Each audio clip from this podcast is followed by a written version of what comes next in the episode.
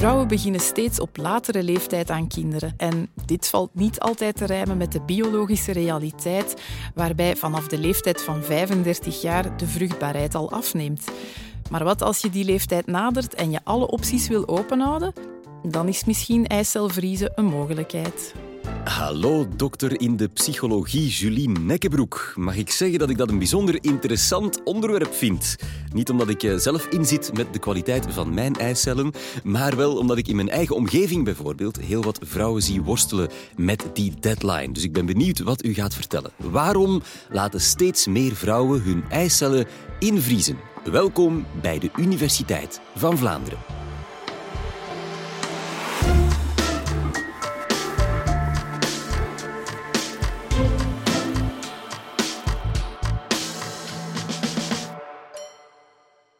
Ja, je hoort het steeds vaker, hè, vrouwen die hun eicellen laten invriezen. Zo deed Paris Hilton het op aanraden van Kim Kardashian.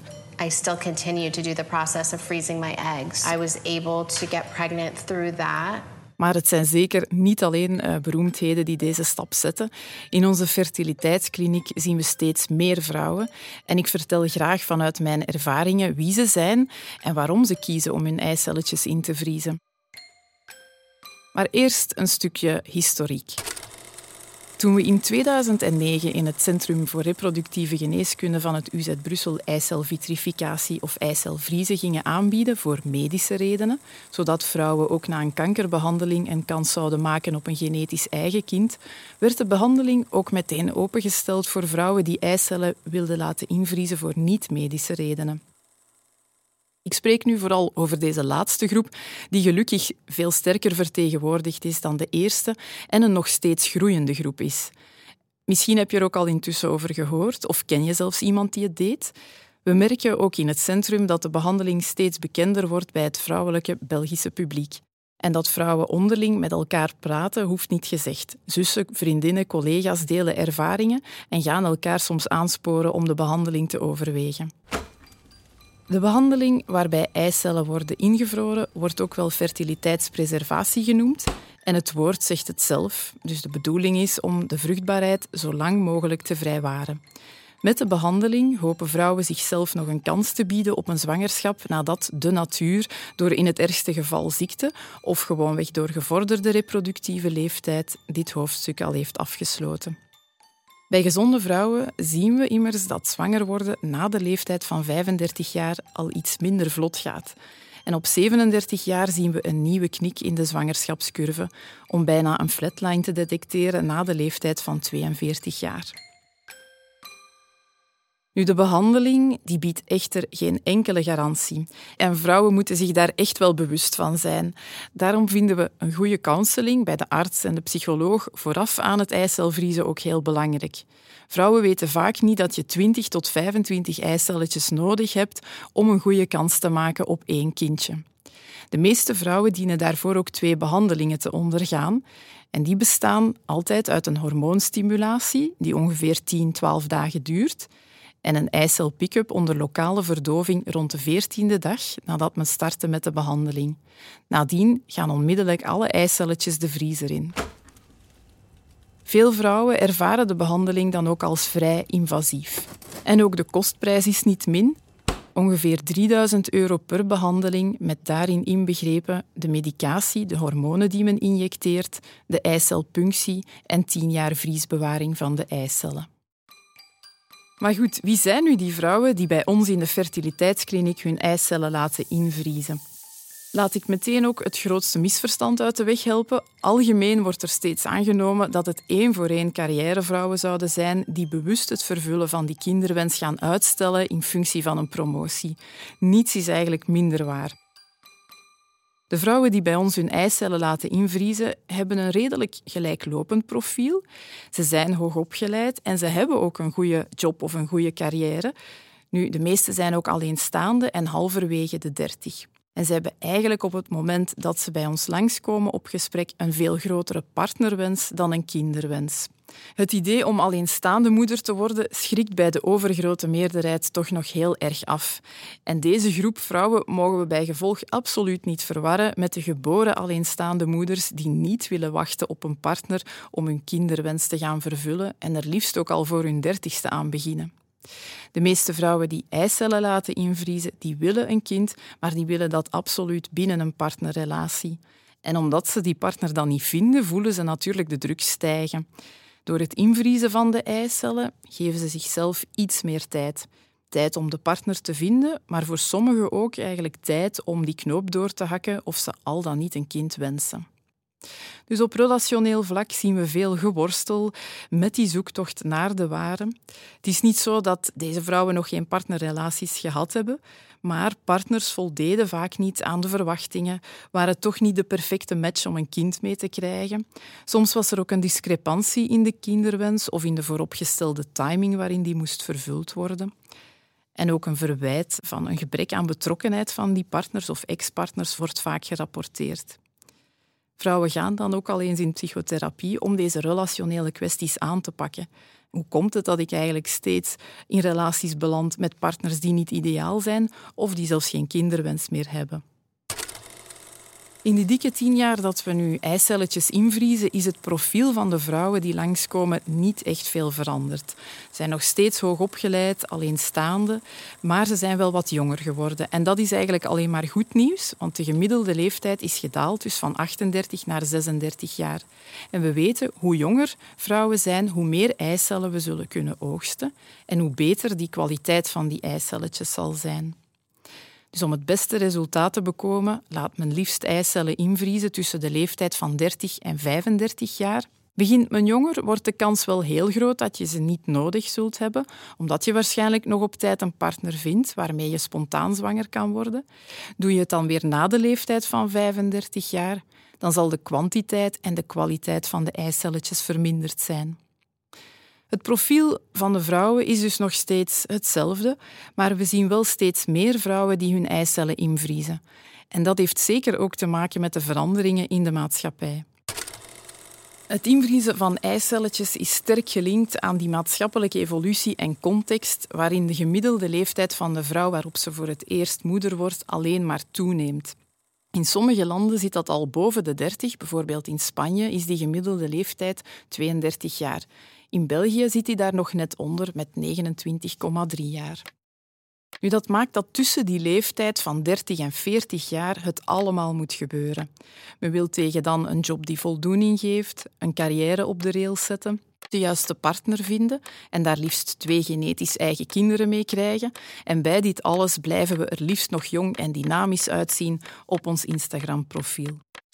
Er is dus sprake van een verschuiving in de vervulling van belangrijke ontwikkelingstaken, zoals dat heet binnen de psychologie, naar een latere levensfase, waardoor er alleen maar extra druk komt te liggen op vrouwen tussen 30 en 40 jaar. Kortom, hoe komt het dat deze verschuiving er is? Hoe komt men dat men pas later een partner tegenkomt en pas later aan kinderen begint? Dat heeft eigenlijk te maken met de emancipatie. De vrouwenbeweging die leverde vorige eeuw belangrijk werk waardoor vrouwen educatieve, persoonlijke en professionele doelen konden nastreven, maar vooral ook economisch onafhankelijk zijn geworden. En dit leidde automatisch tot het uitstellen van het moederschap naar een latere levensfase. Een nieuwe levensfase, de zogenaamde emerging adulthood of opkomende volwassenheid, beschreven door Arnett, lijkt hier ook een rol te spelen. Dit is een fase die wordt geassocieerd met de westerse samenleving, waarin vrouwen toegang hebben tot hoger onderwijs, en die gaat van de leeftijd van 18 jaar tot de late twintiger jaren. In die fase exploreren mensen verschillende mogelijkheden in de liefde en op het werk om zo duurzame keuzes te kunnen maken. Men probeert meer zicht te krijgen op wie men is, uh, wat men wil, waar men naartoe wil en vooral wanneer men dat alles wil. Het huwelijk en andere vormen van diep engagement worden uitgesteld. En relaties zijn iets meer vrijblijvend en wanneer die niet perfect zitten, worden die ook al snel verbroken. Het is ook het tijdperk van de instabiliteit. Er wordt heel veel heen en weer verhuisd, van de ouders naar het kot, van het kot naar de vrienden, na een relatiebreuk misschien terug naar de ouders. Men voelt zich in die periode eigenlijk nog volwassen, nog adolescent en men is vooral op zichzelf gericht. De zelfontplooiing gaat voor alles. Men heeft ook de neiging om nogal hoge verwachtingen te stellen, deels omdat weinig van de dromen getest zijn in het echte leven. Inherent hieraan is natuurlijk dat vrouwen, maar ook mannen, specifieke voorwaarden en condities voor ogen hebben die ze vervuld willen zien vooraleer ze aan relaties gaan beginnen of aan het ouderschap. En deze voorwaarden zijn natuurlijk van invloed op de timing van het ouderschap en kunnen soms de ouderschapsdoelen echt wel in gevaar brengen. Vrouwen gaan wachten om een gezin te stichten op het ideale moment, de ideale partner, de ideale condities. En hier wordt dan ook nog een sausje van social media overgegoten, waarin iedereen zijn perfecte leventje toont en wel op schema lijkt te zitten. Vrouwen verklaarden ook in onderzoek dat ze vonden dat de sociale media de bovengrens van de mogelijkheid tot natuurlijke conceptie soms vaak verkeerd portretteert. So I've been thinking about freezing my eggs. Are you serious? You want another kid? What if I do though? I don't know what I want. Well, if you have a kid and when you're pushing 50, then Janet Jackson just did it. yeah, but Ze moeten vaststellen dat een aantal BV's bijvoorbeeld vlot zwanger worden na hun veertigste, terwijl wij hen moeten uitleggen dat eicelvriezen na die leeftijd geen enkel nut meer heeft. Technologiebedrijven zoals Apple, Facebook, Google spelen ook een rol. Zij gaan immers de behandeling terugbetalen voor hun werknemsters en laten hiermee doorschemeren dat eicelvriezen eigenlijk een goede zaak is. Dat vrouwen in staat stelt om zich makkelijker aan te passen aan bestaande maatschappelijke structuren en zich niet te hoeven laten opjagen door een tikkende biologische klok. Ik heb meer verteld over het profiel van de vrouwen die bij ons langskomen, over de maatschappelijke evolutie, maar welke kansen biedt het invriezen van eicellen voor vrouwen? Het invriezen van eicellen kan eigenlijk de kloof dichten tussen die biologische optimale reproductieve periode en het moment waarop een vrouw zich klaar voelt om aan kinderen te beginnen en de belangrijke voorwaarden zoals een stabiele relatie, financiële zekerheid en verder voldaan zijn. Het is eigenlijk bijzonder jammer wanneer vrouwen door die tikkende biologische klok overhaaste of impulsieve beslissingen gaan nemen, waardoor ze terechtkomen in een ongelukkig huwelijk, het alleenstaand ouderschap, waar ze zich dan niet voor de volle 100% kunnen achterscharen, of ongewenste kinderloosheid. Vrouwen kunnen wat meer tijd kopen om de juiste partner te vinden. Het invriezen van eicellen kan de druk wegnemen en de zoektocht naar die partner misschien wat vergemakkelijken. Veel vrouwen geven ook aan dat ze mannen screenen op hun potentiële vaderschapskwaliteiten dan wel op hun potentieel als liefdespartner. En vrouwen hopen eigenlijk met het invriezen van eicellen toch een beetje meer gemoedsrust te gaan ervaren omdat ze dan het gevoel hebben dat er een plan B in de vriezer zit, in het geval die juiste partner zich aandient en die vruchtbaarheid al sterk is afgenomen. Ook het simpele feit dat men actie onderneemt en men niet zomaar het lot laat beslissen over wanneer de kans op kinderen krijgen stopt, en ze gebruik maken van de nieuwste reproductieve technologie om hun vruchtbaarheid te vrijwaren, kan zeer lonend zijn. Eicelvriezen wordt ook al eens omschreven als een verzekering die men afsluit tegen nakende infertiliteit. Maar velen hopen de ingevroren eicellen of die verzekering nooit te moeten aanspreken. Nu, de vraag is uiteraard of vrouwen de ingevroren eicellen daadwerkelijk gebruiken voor wat ze in de eerste plaats bedoeld zijn. Namelijk om er dus op oudere leeftijd een kind mee te kunnen krijgen wanneer ze eindelijk de juiste partner zijn tegengekomen en of zich klaar voelen om aan kinderen te beginnen. Slechts een beperkt aantal vrouwen, namelijk 10%, komt terug naar het fertiliteitscentrum om de eicellen te gebruiken. Ongeveer de helft kwam terug met een partner, de andere helft als alleenstaande. Van de alleenstaande was er maar liefst 42% dat na de counseling met een gynaecoloog en een psycholoog geen behandeling inzette om alleenstaande moeder te worden. Voor de meerderheid van de alleenstaanden die afhaakten, speelde de weerstand tegen het gebruik van anoniem donorzaad een rol moeten afstappen van het initiële doel, namelijk een kind krijgen binnen een stabiele relatie met een partner die eveneens een aanwezige vader kan zijn voor het kind, blijft heel moeilijk. De partnerwens blijft nazinderen en gaat voor velen onder hen echt vooraf aan het vervullen van de kinderwens. Ondanks dat weinig vrouwen de eicellen laten dooien voor gebruik, staat wel vast dat vrouwen absoluut geen spijt hebben van hun actie. Velen vinden het een heel bekrachtigende ervaring. Men vindt dat men zijn reproductieve opties voor de toekomst heeft verbeterd, dat er meer controle en flexibiliteit is over een gezinsplanning en tot 95 procent zou het zo opnieuw doen.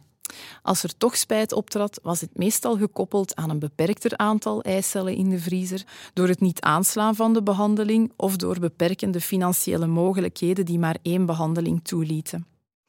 Het is bijzonder dat ondanks de lage benuttingsgraad zoveel vrouwen geen spijt hebben van hun beslissing om eicelletjes in te vriezen en dat er ook steeds meer vrouwen eicellen laten invriezen.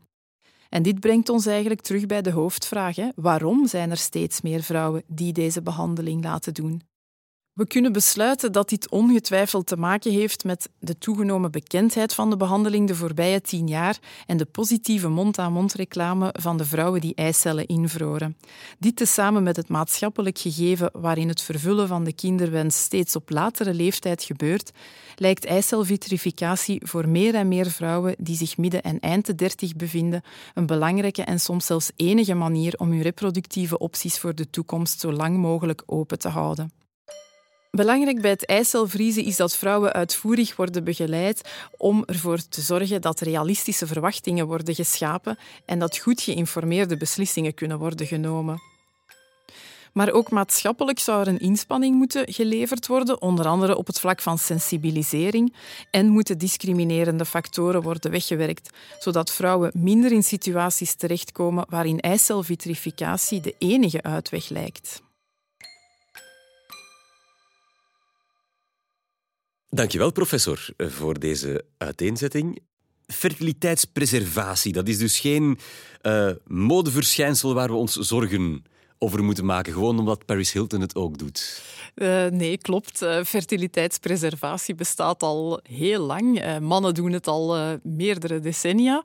En bij vrouwen was het iets ingewikkelder, tot 2009 natuurlijk, wanneer die techniek ja, gebruikt werd, ook bij ons in het ziekenhuis.